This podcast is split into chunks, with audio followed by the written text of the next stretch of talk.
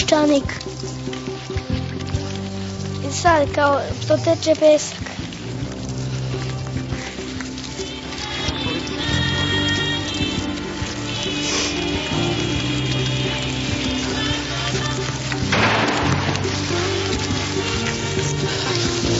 On je čovjek dosadan. Sorry. On je čovjek dosadan čovjek. On je uvijek bio dosadan.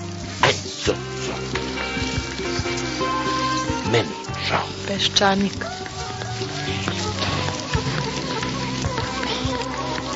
Opšta histerija. Beda, ljudska beda, ne samo ekonomska, nego i neka, ono, intimna, Ne. lična. Daj bilo šta. Daj, samo da se ušti nešto. Daj da bude moje. Nama je žao. Peščanik. Nije bilo dovoljno snage da kažem I'm so sorry. Meni je žao. Redka je generacija koja je dobila takvu šansu kao ova. To je tragična politička generacija. Ni štetu nisu napravili veliku.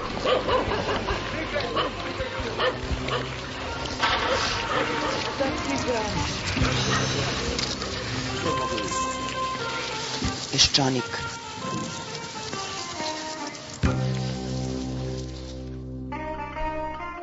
Dan, nadam se da ste lepo ručkali, ali ja ću vam odmah pospešiti varanje pričama o prometejskom ludilu koji ovih predizbornih dana hara našom zemljom, o tome kako se ona moralna gromada od Koštunice obračunava sa biblinskim zlom koje je zaposlalo Zorana Đinđića, o tome kako je za političke protivnike Vojislav Koštunica protiv života kao takvog, kako Vuk Drašković razbacuje seme bune koje će da grune, i kako sutra u svet šaljemo, živa nisam da li će da ga nađu, ko predsjedavajući komisije koja piše Ustavnu povelju.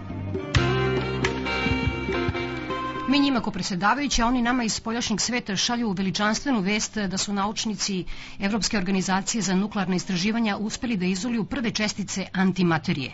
Proizveli su 50.000 atoma potpunog antiodraza vodonika 1. Sada kažu imaju naučne osnove da istražuju same temelje prirode i paralelne svetove. Neki istražuju kad su glupi, mi već dugo živimo u tom vražijem paralelnom svetu i većina kandidata tvrdi da nam je najbolje da tu i ostanemo. Mi smo ovih dana protrčali a, sa našim glavnim kandidatima kroz gradove Srbije, među kojima su Novi Sad, Požarevac, Zrenjanin i Košumlija. Vidi smo uglavnom Srbe, ali redko građane, a vi najpre slušate gospođu Veru Marković, ona je poslanica socijaldemokratske partije koja nas zove, ne kaže ono oj Srbine, nego ej građanine. To liči na izveštaje sa partijskih konferencija nekada u vreme Saveza komunista. To je samo neka partijska rutina. Tu ne postoji ključna tema predizborne kampanje.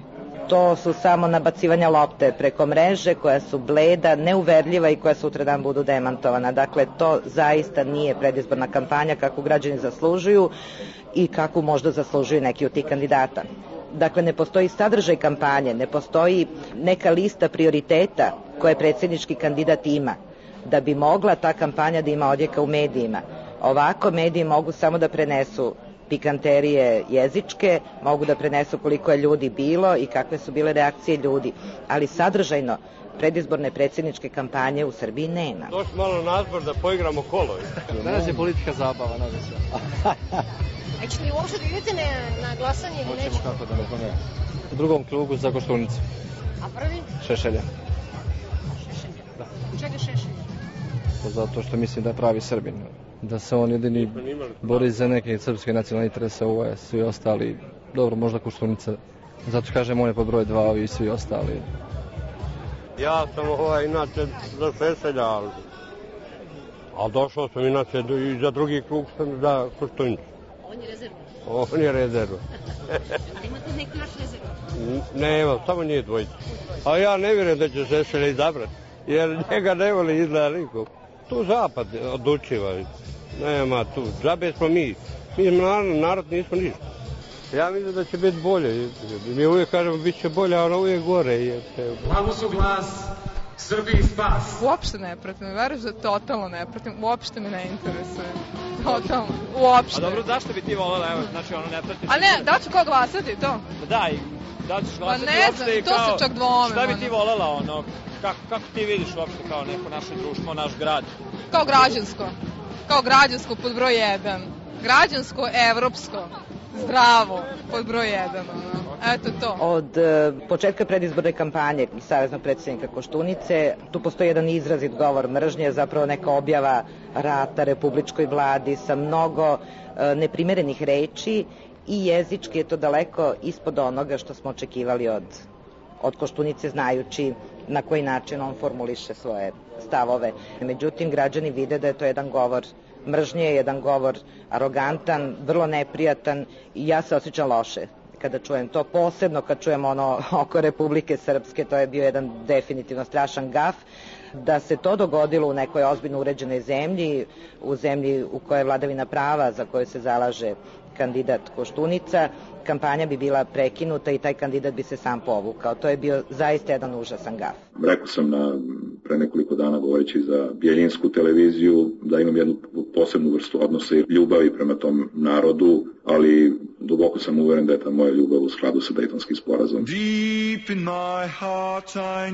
u srcu znao sam da bi dao život samo za ljubav. Pao je u blato i osjetio cijev. Vidio je facu bradatu i drsku. Vidio je smrt i čuje riječi. Dobrodošli u Republiku Srpsku. Mislim, koje vam reći tu potrebe da će vlada da ljosne, da tresne, to je nešto što uopšte ne liči na koštunicu kakvog ja poznajem. Mislim da njegovi birači treba da budu zabrinuti. I možda bi trebalo biti zabrinut oko toga kako će izgledati Srbija ako on bude bio predsednik. Zar i ti za Koštunicu, ne za Mađare? Ajde ti za Mađare, a za Koštunicu, eto za Mađare. Hoćeš? Hoću, hoću. Ste vi donali odluku? Nisam ja donao. Ali ovo od najgorih, najboljih Koštunica. Jedino on ne krade. A i ako krade, veoma malo krade. Najveći nacionalista koji meni odgovara, evo vidiš šta sam kazao. Kolega, vrate, Mađar, šta? Nek ide u mađarsku stranku. Tako da vam kažem, on je jedini, jedini kandidat koji može da spasi državu samo da malo brže radi. A da li zbog ovih zločinačkih napada Đinđića i njegove stranke i ovih drugih ili što on nema tim. On nema dovoljno jastrebova koji će da brane ovo malo Srbije. Đinđić, to nemački lopov. Ima ovo iz nemačke upute, iz Amerike upute. Jedino ovaj čovek kukavac nešto pokušava, ali nema muda. Taj stepen nacionalizma, Koštunić nam odgovara. Ne, ne, ne, on brani srpstvo. I ja sam nacionalist. Ali šta možeš, Mađare moraš ne trpiti, ne, nego sarađivati i s njima živeti. Ja ću glasati sad za Miloševića, sigurno. Od ovoga Koštunicu, to je sigurno. Ali mu želim da pod hitno brže radi, da malo energičnije. To mu fali. Ali nema tim oko sebe, pa pusti to. Za Labuse, ja ću reći. Zato što je on ipak najbolje rješenje za Srbiju. A zašto tako misli? U čemu je razlika između Labusa i Koštunice po vašem? Labus zna šta hoće, a Koštunica ne zna. Nikad nije znao, nikad nije znao šta hoće. E to je razlika velika. Ali on mi je redko pošten. Nekom kog možeš da se pouzdaš, za kog možeš da se osloniš. Jedino bi još mogla prihvatiti tako Vuka Obradović možda i Prelević, ali to mi je ružno, što ga ovaj, što se pljuju međusobno, pa spletke, ko francuske sobarice, pa to nije nivo. Da li je možda zasmetalo kada je predsjednik Koštunica, odnosno gospodin Koštunica, dobio podršku od gospodina Nelje Ilića? Pa ne, ja mislim da se... Rečnika. O, pa što, bitno je šta kažemo, je sad bitno kako kažemo. Ilić je baš dobrica. I sad zašto da li on priča ovakvim ili onakvim rečnikom sad to Mislim da bi on mogao uz malo dinamičnije saradnike mnogo, mnogo ovoj Srbiji da vrati, a recimo dostojanstvo. Bedno. Čega? Pa zbog toga što se samo otima i niko o njih ne misli sada da treba nama biti bolje svima. Da. Nego samo da, eto, za stolice. I mislim, jako me razočarali, ja sam za ovu vlast sada, što je bilo puno išla i puno sam se izborila, ali jako mi se ovaj, sad ne sviđa što se svađaju.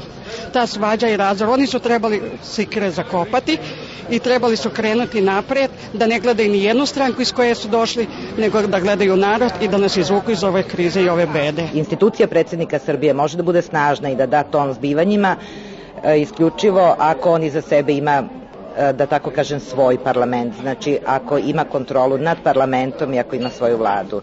To smo imali u vreme Miloševića i zbog toga je položaj predsednika Republike bio toliko jak Međutim, kada predsednik nije u komunikaciji sa parlamentom, čak kada ne deli isti korpus vrednostni, onda predsednik jednostavno svoju funkciju ne može da vrši. To smo imali za vreme Milutinovića, dakle nespojiv je taj predsednik Srbije bio sa parlamentom koji je izabran u decembru 2000. Tako i sada, ukoliko predsednik ne bi komunicirao sa parlamentom i vladom na pravi način, ja mislim da definitivno ne bi imao nikakvog uticaja, osim što bi mogao da stvori određene tenzije. Parlamentarni izbori, ja ne znam da li će nešto rešiti.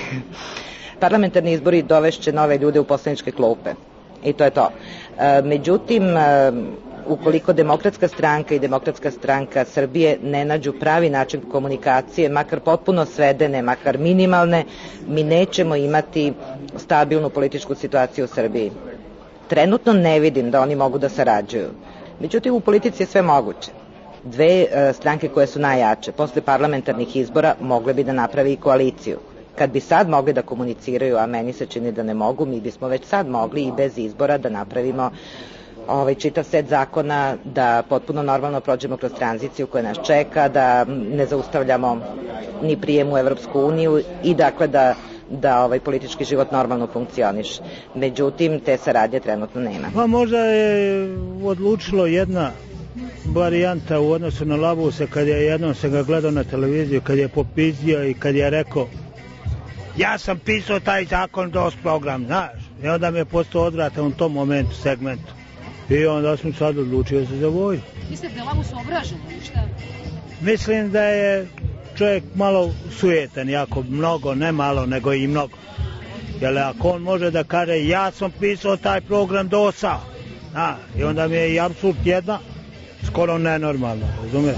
Ovi uzjakali, mali vojalek i dotere u red. Gospodin Vojislav Koštunica koji je imao 2500 članova u julu 2000. godine uspeo je kao veš mašina za pranje komunista da danas ima 200.000 bivših komunista. Pojavljuju se nekakve mračne snage koje su do juče bile prve uzdanice Miloševića i koje uz Koštunicu koji stalno izgleda kao da plače. Izgleda na babarogu čovek. Njega stavi, treba staviti na one tegle za džem da deca ne kradu. Ja tako namrštenog čoveka ne volim da vidim privatno u životu, a ne da mi bude presednik. On to može da bude namršten po svoje kuće, meni neće biti namršten. Isključivo za Šešelja od početka do kraja.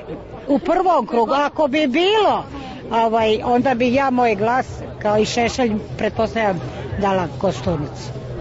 Pošto vrlo sličan program imaju, a Labus i ovi, ovo društvo ne zanima me apsolutno. Doveli neke sa strane, viceguvernere i društvo, ne vredi, pričam potpuno isto kao Šešelj i mislim tako kad je bio Labus, jako je bilo divnog sveta, imali su lepe frizure, divno su bile obučeni, pa šta je to? Kad je Dinkić pao u euforiju, znaš, ono, sve blati Koštunicu, pa posle i ovaj Labus, razočarali su me. Ja sam bio blizu da glasam za njih. Međutim, sad su me baš u predizbornoj kampanji razočarali. Evo. Ko bi bio najveće zlo da pobedi? Ja mislim baš taj Đinđić, jer u stvari šta je, ovaj, Labus je njegov lični kandidat. Ovde lično u Zrenjanu može lako da pobedi Labus, svi Mađari, svi Hrvati, svi Rumuni, svi će za njega glasati, ne zato što ga vole, a zahvaljujući Koštunicu oni su došli na vlast. Svi. Treba da ga ljube, da, da, da. da ne kažem šta. Njemu je, Oni ovaj. Mislim da stvarno postoji ovih kandidata veliki strah od Šešelja. Kao, jao, Šešelj je ratnička opcija, on govori da će da vrati srpske teritorije. Da, ali on uvek naglasi kako, na koji način, ne ratovanjem sigurno. Ja glasam za Miro Labusa zato što je on u duši dobar čovek. Ja ga znam 12 godina. To je čovek koji zna šta je familija. To je čovek koji zna šta je to imati decu i brinuti za njih. To je čovek koji zna šta je to imati ekipu i brinuti za njih. To je čovek koji nikada mene nije izneverio, koji nikada nikoga nije izneverio i neće ni vas izneveriti. A za one a za oni koji misle da da ja dolazim iz neke Bolivije, a za oni koji ne znaju da sam ja odavde, a za oni koji ne znaju da je Srbija najjača kada je otvorena, koja zna da pokaže šta ona zna, šta sme celome svetu. Imam poruku, Vojo, jel me vidiš? Ja sam ovde i ovde ostajem. I svi ostali, vratite se. Hvala.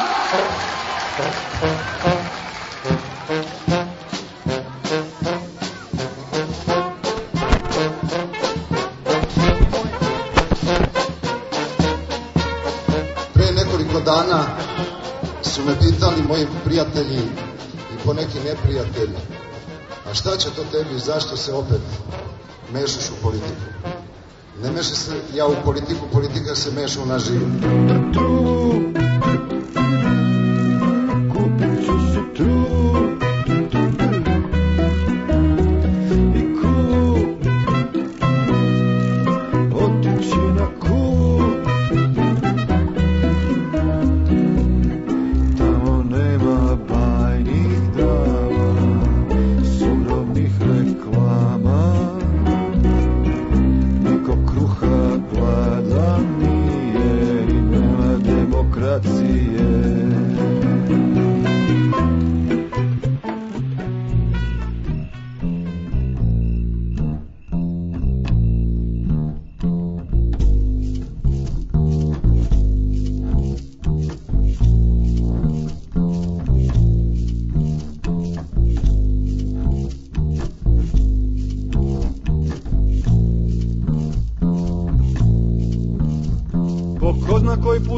Životu u svojoj ludoj glavi gledaš istu sliku. Po ko zna koji put u životu u svojoj ludoj glavi gledaš istu sliku. Crni jahači su stigli u selo. Crvene kapi su pale na bijelo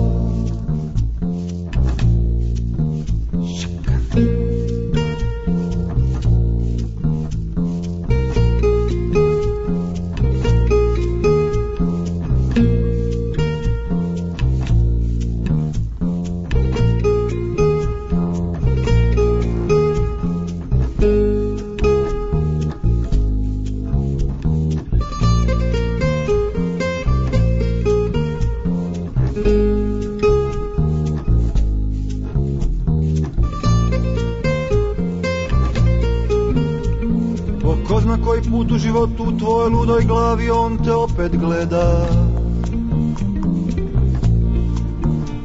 Po ko zna koji put u životu usred tvojih misli raste stup od leda. Crvene kapi su pale na bijelo. Silazi vjetar i odnosi tijelo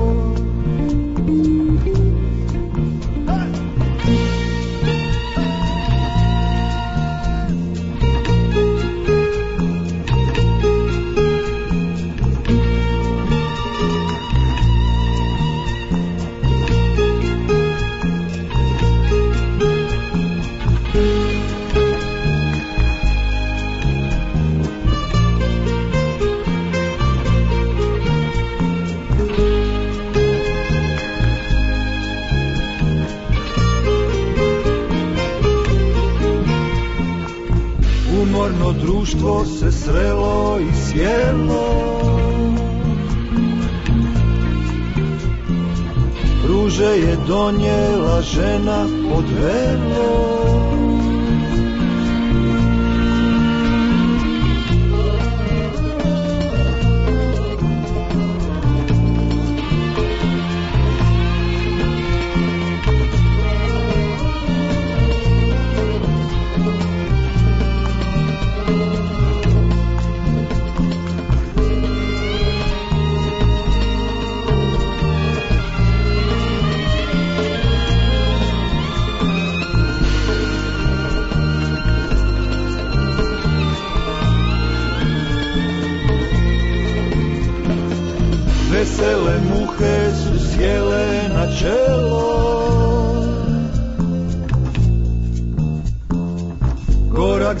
Velo sjećanje sladak za jelo.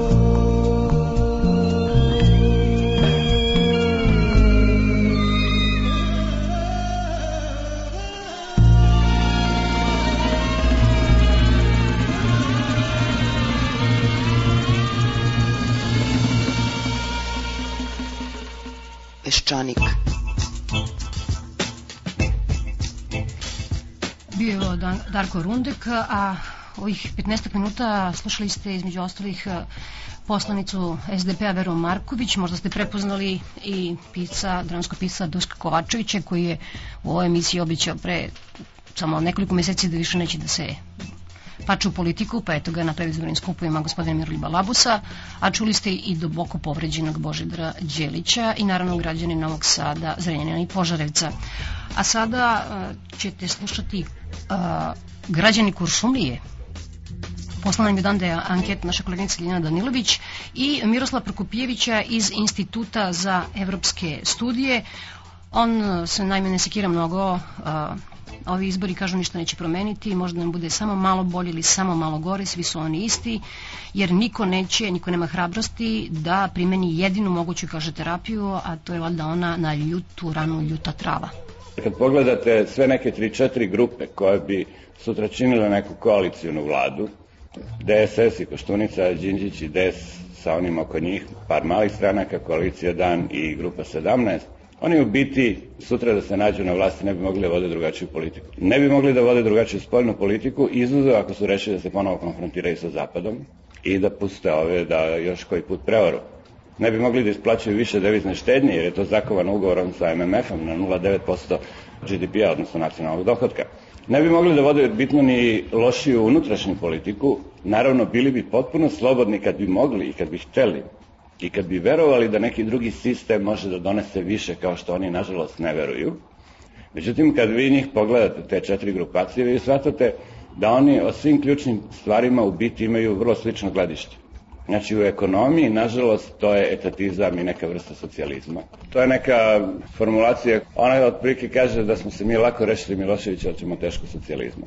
I sad je došla ekipa koja ponovo ima u stvari socijalistička gledanja. Vi to vidite u privredi, jer oni su za godinu i po dana privatizovali tri cementare i 30 firmi, od kojih nisu sve firme cele od tih 30 nego su i manjinski delovi često. 70% dohodka se pravi u državnom sektoru i ja imam utisak ono što sada nama prestoji, da je grupa izgostirala Đinđićevu varijantu socijalizma, sa Armani odelima i bez mnogo kolišenja, bez mnogo snagdivanja i tako dalje. Imam utisak sad je na redu Koštunica i posle toga G17. Imam utisak da, da će birač ići i birati do kraja sve te postojeće verzije socijalizma i da tek onda neke, znači možda 2006. 7. godine će reći pa izgleda da na ovaj način stvari ne idu. I kad jedan dobar broj birača dođe do tog shvatanja da tu nešto izgleda nije u redu sa samim poredkom, sa samim principima, Tek tog časa, ja mislim, mi možemo da razmišljamo o jednoj ozbiljnoj tranziciji. Jer dok se birač tu na prelomu i politički elit, nema tranzicije. Znači, nema ko da izvode, ne može dragi Bog da siđe sa, sa neba i, i da to izvede. Tako da ono što pretpostavljam da, da predstoji sada u ovom narednom periodu, to je da će se ovo stanje krpiti sve jedno koje je na vlasti. Do iza 2004 da će do tada biti nekih donacija, mada ih je sve manje, ali će biti nekih jeftinih kredita, bit će nekih prihoda od privatizacije, toliko koliko je bude. I moći će da se održava približno makroekonomska ravnoteža na, na ovom nivou. Pošto mikronivo, znači firme, realni sektor, nije saniran, vi u stvari imate situaciju da je bolest ostala, a da ste vi iznad bolesti napravili jedan zastor, ovako figurativno da kažem, uz pomoć donacije i nešto malo prihoda privatizacije i kredita, Kad tih novaca ne bude bilo, ponovo ćemo videti onu nesarniranu realnost. Ono što može praktično sigurno da se prognozira, samo se ne zna tačno koje će oblike imati, to je da će Srbija imati krizu nalik onaj koju je Bugarska imala 96. Znači, oni su probali da od prike proglase da su završili tranziciju, a da nisu zapravo ništa ozbiljno uradili. I dok su neki sitni prihodi trajali, to se držalo, onda ste videli, bila je hiperinflacija, bilo je, bio je pad dohodaka na 10 maraka bila je opšta jedna frtutma koja je vrlo podsjeća na ono što smo mi imali 92. treće godine. Znači, vi jednostavno tu stvar ne možete da izbegnete. E sad, naravno, vi možete da kažete ja ću u mom mandatu imati nešto para, pa ću ja da krpim, ja ću ostati onako i ovako privremeno na toj vlasti, a onda ovi za mene neka misle. To je skroz legitimno razmišljanje, makar da je što se tiče populacije i zemlje i neke odgovornosti katastrofa. DSS koji jednostavno ide na jednu, ja bih rekao, varijantu, eto, to je nekakav kandidat koji je moralno ovako častan i ne znam skroman i tako dalje, to svi mi među sobom znamo, ne treba on da ima ni nekakav ekonomski, ni spoljnopolitički, nikakav program, što je naravno greška velika, tako da oni idu praktično bez nekog programa, a ovo što se čuje, što pojedini kažu iz njihove stranke, to je, kažem, vrlo kontradiktorno. Neke od tih stvari su za jednu tržišniju verziju nego što mi trenutno imamo, recimo neke izjave Cvetičana, a neke su opet isto izjave Cvetičana skroz u suprotnom pravcu. Što naravno neko ko je bio dojučerašnji savjetnik, ne znam, ovih verovatno ima neke probleme da to sve skocka i uveže u jednu sliku. Nama je populizma, ja mislim, previše i poslednji ko bi trebao da ga lansira, ja mislim da je to vlada koja sad sa ovom pričom ponosa na Srbiju ili kako se to zove. Znači, vlada direktno komunicira sa narodom. To je suštinska karakteristika populizma. Znači, nema ustanova, a naprotiv vlada bi morala da, da insistira da se izgrađuju ustanove. To, to je nekakav logičan put. A ne da vlada sad bude glavni populista i da na ove populističke priče sa strane odgovara još većim populizmom gde sad direktno obraća jel, biraču mimo parlamenta, mimo svega, mimo poruka između ostalog vlade kako tu samo primjere, dobro je, dobro smo krenuli, ostavite me samo na miru da to završim.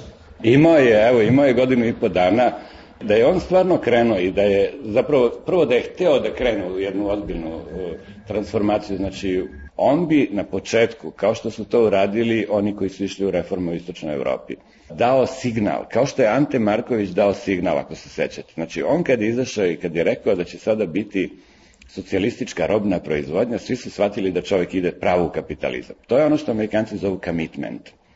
To je naravno ovde nedostajalo, jer ti ljudi ne veruju, ni jedna od tih grupa, pa ni Đinđić, oni ne veruju jednostavno u kapitalizam. Oni ne veruju u vladavinu prava, zapravo, oni veruju u principu, ali smatraju da je vladavina prava ovde štetna, jer će da njima političarima veže ruke. Onda su i vlada i ministri unutar zakona. A šta je njima važno? Njima je mnogo važnija diskreciona moć znači koju imaju, gde su oni iznad zakona, gde oni telefoniraju i aranžiraju ovako ili onako i gde mogu da uzimaju provizije od velikih tendera. To vidite golim okom. Recimo, monopolisan je uvoz nafte, sirove nafte, zašto nema nikakvog, nikakve potrebe. Pod izgovorom da, da se spreči šverc. Naravno, sirovom naftom niko ne trguje, kao što ste primetili. Interesantni su derivati, njima se trgovalo na crno. E sad, naravno, vi analizirate, pitate se, pa dobro, zašto je monopolisan i uvoz sirove nafte? Postoji samo jedan razlog, ne postoji nikakav drugi. Kad vi monopolišete, vlada, odnosno njena komisija, nad kojim ministri i premijer imaju odlučujući uticaj, oni imaju monopol na uvoz ogromnih količina nafte. Na svetskom tržištu provizije za uvoz nafte se kreću između 1 i 2 odsto. Ja u budžetu Srbije nigde ne vidim stavku gde se uknjižavaju provizije koje se svakako plaćaju, nezavisno od toga ko je kupac. Pa u poštenim zemljama to ide u budžet, a u zemljama, jel, to završava nečim džepovima. Znači, pošto se nafta ovde neprestano kupuje, znači moj zaključak, ja ne znam ko je uzeo, ali da to ide u privatne džepove. U vladavini prava to ne može. I zato oni neće vladavinu prava. Znači, birač tu mora da krene da se bistri, da kaže, ej, pa neće ta, sad će doći novi koji će da me izmimuniše ponovo i onaj treći, onaj četvrti, pa čemu ta priča?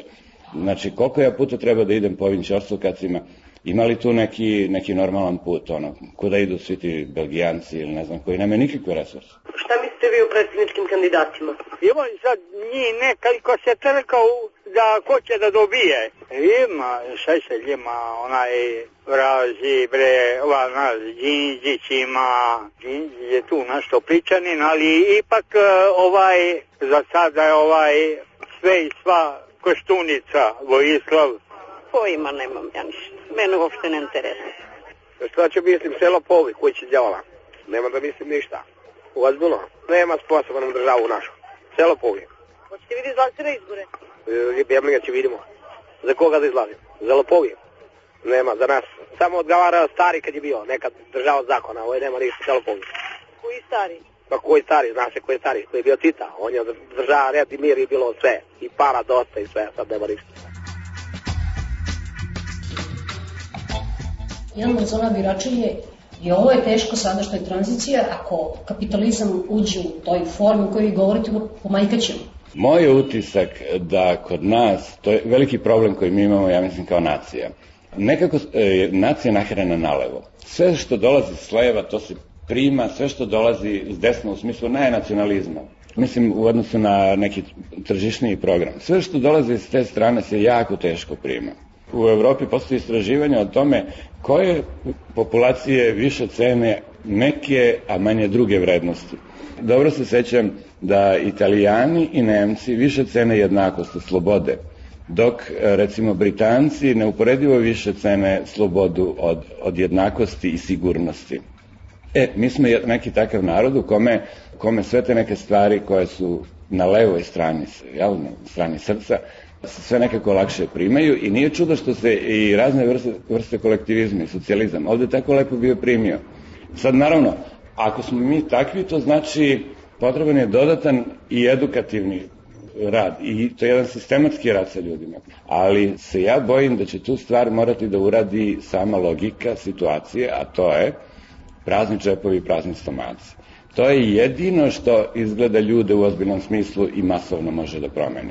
To je, meni se čini, bez obzira što su birači nereformski, ali šansa je postojala da je vlada bila reformska kad je srpska vlada negde, odnosno posle oktobra 2000. Jer ako se sećate tog vremena, to je sve što je bilo za stari režim i tako dalje, bilo se pritajilo. Jednostavno su čekali šta će da se desi. Kad su videli da nema ni reformi, niti jure pak ove neke kriminalce, politički, klasične kriminalce iz onog bivšeg vremena, onda je negde od proleća stvari krenula kao nekad, što bi se reklo. Pa šta imam da mislim, svi su isti skoro. Kako mislite isti? Sad su svi dobri, a kad dođu tamo gde treba, onda promene čust. Ja mislim da je dosta najgori. A ko je najbolji? Šešelj. Pa Šešelju? Ne znam ja, baš on ni odakle je tačno rodom. A uglavnom Koštunica, on je za tudak negdje od Užice, da. A šta mislite o predsjedničkom kandidatu Labusu? Ma ja i ne znam kako i veše. Labut? Ne poznajem ga. To beše najjevrein? Labus? Pa bola me nije pokazao, ništa on je do sad gore bio u, u rukovodstvu, slabo je pokazao nešto. To Đinđićev pejtaš. Nije to, to je Đinđić, nije Labus, nego on nije smeo on da ide pa pustio Labusa, znaš. Ispituje njegov puls koliki je. I ovaj glumac, Bata ga pobeđuje, on tek četvrti. Samo ja ga računjam da je Koštunica do sada krenuo prilično dobro. Možda ima neka greška koja su ljudi to više pazili, ali ja nisam baš to uočio toliko. Koga ćete vi da glasate? A Koštunicu koga da glasamo, vi drugi nema zasluge ni jedan da bi mogli mu damo glas. Znači jedini koji ima zasluge i koji zaslužuje i koji će se ovu kriminalističku vladu da se obračuna, to je on. Đinđić i njegova vlada ništa nisu uradili, kradu, pljačkaju, a on hoće se obračuna, prema tome moramo njemu damo poverenje. Ja za Bata Živojinović. Živela bi sto godina samo za njega da glasam. Zašto za njega? Pa uvek je vesel, uvek. Bila bi Srbija samo vesela. Ja DSS uopšte ne svetam. Oni čas tvrde da reformi nema, što je tačno. Čas tvrde da su one prebrze, što je netačno. Generalno je DSS za jednu relativno zatvorenu, regulisanu, autarhičnu privredu. Važno je da smo svi mi među nama. To je jedna, u stvari, naslanjena na jednu tradiciju koja je postojala među radikalima u 19. veku. Oni su imali to tu istu priču. Pa je sad tako onda Pašić odvojio kao daj da malo pripustimo kapitalizam. Za razliku od drugog krila radikalne stranke koja nije htjela da se poigrava, koja je rekao, pa dobro, jeste železnica guje kapitalizma, jesu školci štetni jer rade protiv vlasti i kralja, ali ajde mi da malo to pustimo, pa ako to baš krene skroz naopako, lako ćemo mi ponovo zavrnuti. Pa onda ispalo da kapitalizam nije tako rađav i tako je kapitalizam de facto ušao u Srbiju. To je grupacija oko DSS-a potpuno nedostaje ova ekonomska komponenta. Tu ima, recimo, kod njih ovaj Drakulić, taj biznismen, koji razmišlja striktno tržišno. I mene iznenađuje šta on tamo traži kad tako razmišlja. Sumnjam da će takvi tamo odnati prevagu. Ono što je fascinantno je taj, taj gubitak osjećaja za realnost. Ima ih na vlasti koji su užasno glupi, da ne pominjem imena, mislim to slušalci bolje znaju ali ima ih koji su inteligentni, koji znaju, koji shvataju da je to, da, da jednostavno traćimo vreme.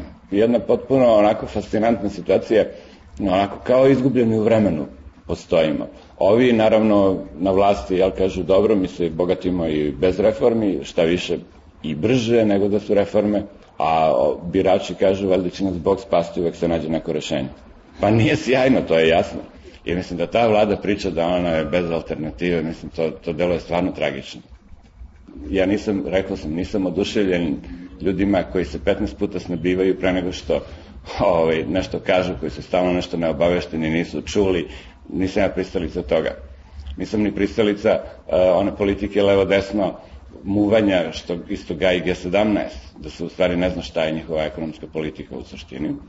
Znači nisam ljubitelj sad da bi ja konto njih e, lobirao protiv ove vlade, ali to je prosto neki sled koji će morati da predefiluje pred očima naših birača dok se ne skanimo, kako se ljaci kaže, dok se ne skanimo da uradimo nešto što valja. Pa ja mislim da treba da dobije Kostunica ili može da dobije ovaj Vuko Obradović i on je dobar čovjek, brzo ga smakoše i njega. Inače vi drugi nemu šanse. Vuko Bradović iz Prokuplja, moj čovjek, zato što je najpošteniji od svih.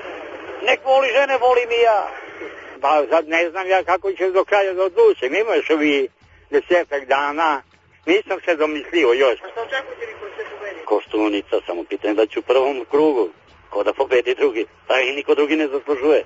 Neće da general Pavković. Kao što znate, dok je treća armija bila na Kosovu, nijedan strani vojnik nije stupio tamo. Prema tome, e, ovaj slogan pobednik je u stvari e, zamena za jednog uspešnog čoveka koji se dokazao u svom poslu. Njegoš je rekao narode raju moje, narode stokom moje. Pa možda bude jedno i drugo. A od mi kažete za koga ćete vi da glasate? A to ne, to tajna je, to ne A za koga ste glasali ranije? E, ja sam socijalista, znam ranije, ali pošto sad oni o, o, o propala rabata. Kad će da dođe na red, oni opet ne znam. Ja još nisam se domislio, ali je da vidimo sa razumne i pametne ljude, pa da krenemo većina na, na ono gde je pametnije. A, slušali ste Košumlice i Košumlike, tako se onda zovu građani Košumlije, i Miroslava Prokopijevića iz Instituta za evropske studije. On je onda ono što se, jedan od najradikalnijih kritičara a, vlade premijera Đinđića, ali videli ste i ne samo njega. Liberal je onda i uskoro ćemo imati te velike rasprave između socijaldemokrata i liberala tek. A ne znam da li ste skoro pratili jednu raspravu u novinama između Boška Mijatovića iz Centra za liberalno-demokratske studije i gospođe Zagorke Golubović. Boško Mijatović koji sebe definiše kao liberal u ekonomiji tvrdi da tržište nije raspomamljeni bog, već e, sušta sloboda i da liberali nisu neosetljivi na patnje siromašnih, ali oni to davanje siromašnima ne smatraju realizacijom socijalno-ekonomskih prava siromašnih, već dobročinstvom bogatih ljudi. Jedan od kandidata rekao je kako je Srbija jedna mudrica. A ovo je Dragan Babić, novinar, autor serije TV putopisa Nacionalna geografija. On je sam svoju večnu temu formulisao uticaj Turaka na sablasne nevene. Jedan od kandidata rekao je kako je Srbija jedna mudrica. Prvo je Srbija bila velika tajna, pa je bila nadišljivana, sad je ona mudrica. Ja bih mu posavetu da malo razmisli da te krupne poklone jednom narodu koji tek treba da dobije nagradu, malo obuzda, da razume da se ti komplimenti ne daju tako lako. Tako da u programu koji biste vi idealno očekivali, dođete na jedan koncept koji bi počinjao bez tog udvaranja, pri čemu rizikujete da budete odbijeni, ali to je tek prava politika koju Srbija treba da dočeka, da vas ne razume ili ne želi, a ne da odlazite tamo već u jednom gotovom idejom da ste vi taj bogom dani Jupiter, koji će sad iz temelja sve da promeni. Pa ne bi bilo loše reći, još jednom, neki su to već bili izgovorili, da je ovo jedna, jedna jako mala zemlja, da mora da se uzme u pamet i da veoma disciplinovano trči neke discipline bez kojih nikada ni na kakav civilizovani cilj neće stići. Ako doživljavate da danas jedan od srpskih političara kaže da bi najveće zlo bilo da Srbija postane građanska, onda se ozbiljno zamislite kuda sve to može da ide. Pošto srpski narod ne zna latinski, quod licet jovis, non licet bovis, što priliči Jupiter ne priliči volu. I ne možete da isterate iz glava nekih ljudi da je sramota da se pojavljuju u politici. To je smešno. To nije tragično. Ništa se ovdje tragično ne događa. Tragično je u Kašmiru. Tragično je u Palestini i Izraelu. Tragično je u Afganistanu. Ovdje ništa nije tragično, ovo je smešno. Postoje neki rešivi problemi u jednoj relativno imućnoj zemlji koja sebe može da hrani i sada traži uokolo ko je taj njen rođak, prijatelj, komšija, drug sa fakulteta, koji ima sposobnosti da te stvari rasporedi. Da pronađe način kako će ovo društvo da organizuje. Gledao sam juče prekjuče jednog Nitkova, koji je tako spokojno skrenuo levo, gde nije smeo, i čekao da dve velike kolone se ukrste u Takovskoj i Lole Ribara, on je trebalo da skrene Lole Ribara levo iz Takovske, a to nikako ne sme, samo stoji znak. To je trebalo dobrih pola sata. Policajci, ne znam koliko ih ima, sad nešto i kao malo ima. Nije bio tu da ga kao u Nemačku odvedu u ludnicu, ne kod sudije za prekršaje. Vozio neki BMW, imao je belu košulju i naravno razgovarao mobilnim telefonom. To je trubilo, to je urlikalo, to je protestovalo. On se nije pomerio. Njegovo je pravo bilo da svoj afekat srpski protera u centru, u sitiju i da skrene levo, jer mu je bilo zgodnije da možda stigne kod Ace Pekara ili ne znam koje kafane u blizini, a ne da produži tri bloka dalje, pa onda 10 minuta kasnije dođe na mesto kuda je pošao, kao što čini svet u Njujorku i Londonu. Ne možeš da skreneš baš kuda ti hoćeš. Ja ne znam više koliko se tih tema apokaliptičnih vuče po novinama bez ikakvih reakcija. Počeš od toga da li se uvozi, ne znam, nekakva genetska soja koja će sve da nas potruje.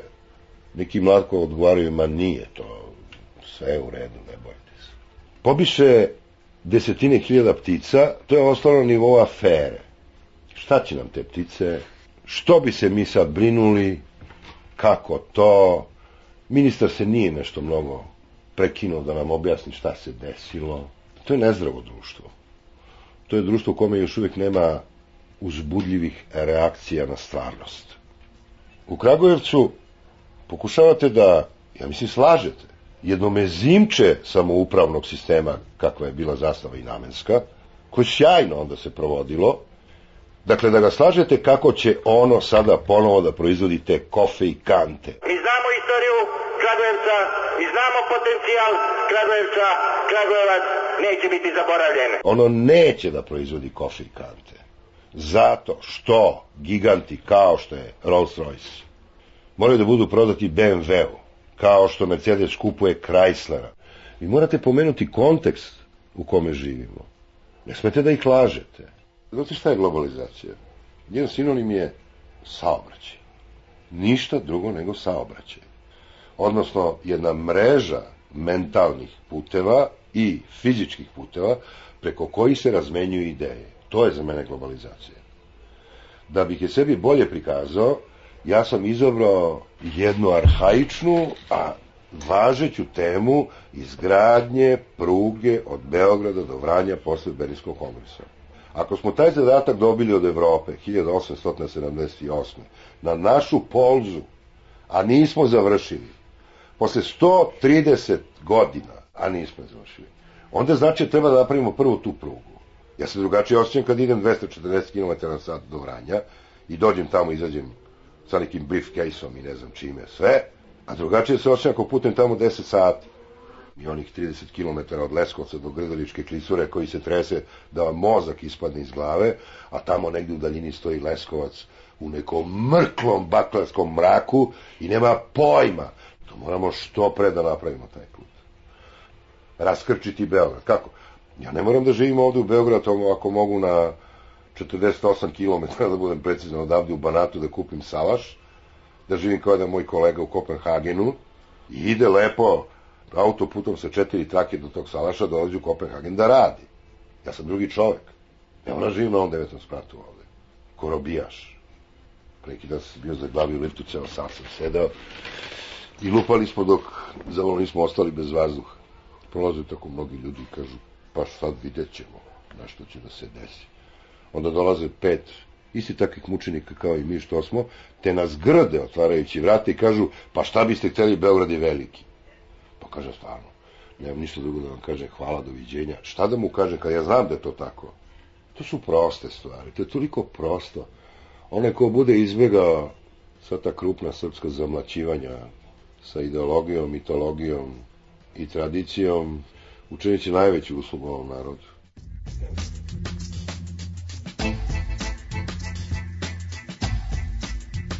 Čitava srpska politika liči na žutu štampu.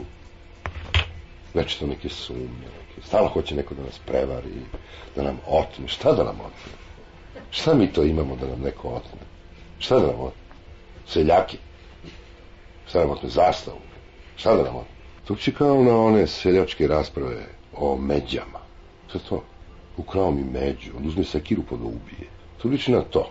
Dakle, teško je dopreti do, do onog sinonima da je globalizacija saobraćaj. Hoće da nas obiđu, pa evo već su smislili. Obići će nas. Otići će preko Rumunije i Bugarske dole. Nekim drugim putem, a mi ćemo ovde sedeti i raspravljati naše ideje, zavere, šta nam sve spremaju hiljadu godina da nas osvoje, a oni pojma nemaju da mi postojimo uopšte. Mi smo na karti sveta danas gotovo nevidljivi.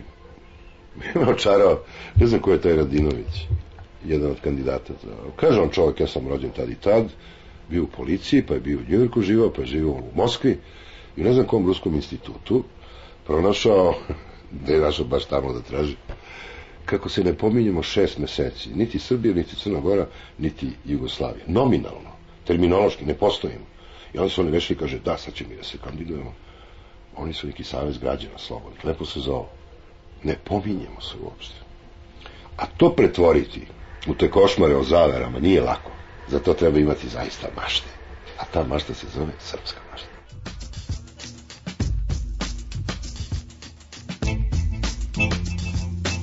Znate koji sam odgovor duboko zavoleo? Ne znam. Ne želim da vas lažem, da vas varam, da vas uveravam jednom velikom svojom elokventnom aparaturom kako ću sad ja vama da objasnim šta treba da radite. Ne, gospodo, ja to ne znam. Samom sebi postavljam ograničenje da se isključujem iz te prevare. Ako mene pitate, najveći problem Srbije je danas četka, kofa sa krečom, pa izvolite radite. Gledao sam neke mostove, pa nije potreban nikakav poseban zajam od MVF-a da se taj most namaže minimumom, niti moju kuću u Jagodini treba da dođe da rešava Bush ili Blair ili Putin. Ne, brate, ja ću da uzmem kofu sa krečom i četku pa da okrećim za početak tu kuću. To je srpski problem. Kofa i četka. To je lep plan za Srbiju, jel da? Mala ideja o malom komforu. Čiste ulice, čiste kuće, čist saobraćaj, čista kola, čisti tramvaj, sve čisto onako. To za početak ne bi bilo loše, jel da?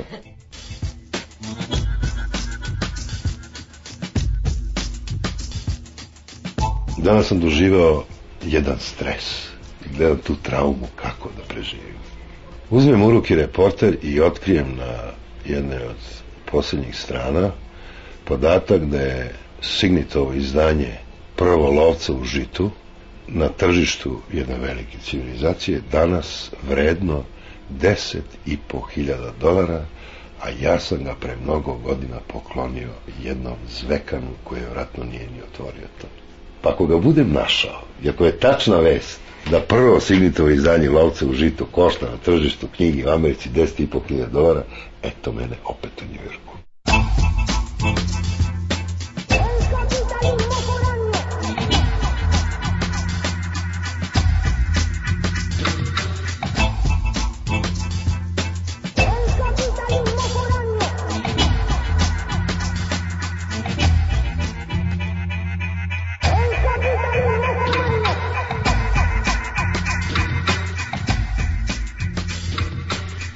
Bila emisija Peščanik, slušali ste Veru Marković, Miroslav Prokopijevića, Dragana Babića, građane Novog Sada, Požarevca, Zrenjanina i Kuršumlije.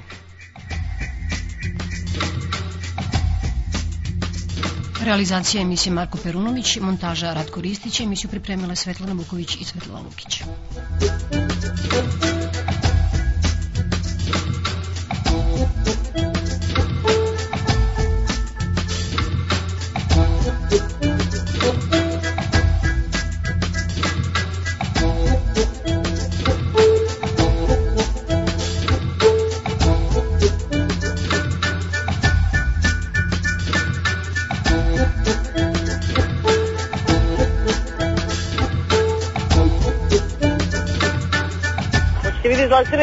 Izbore? Ja mi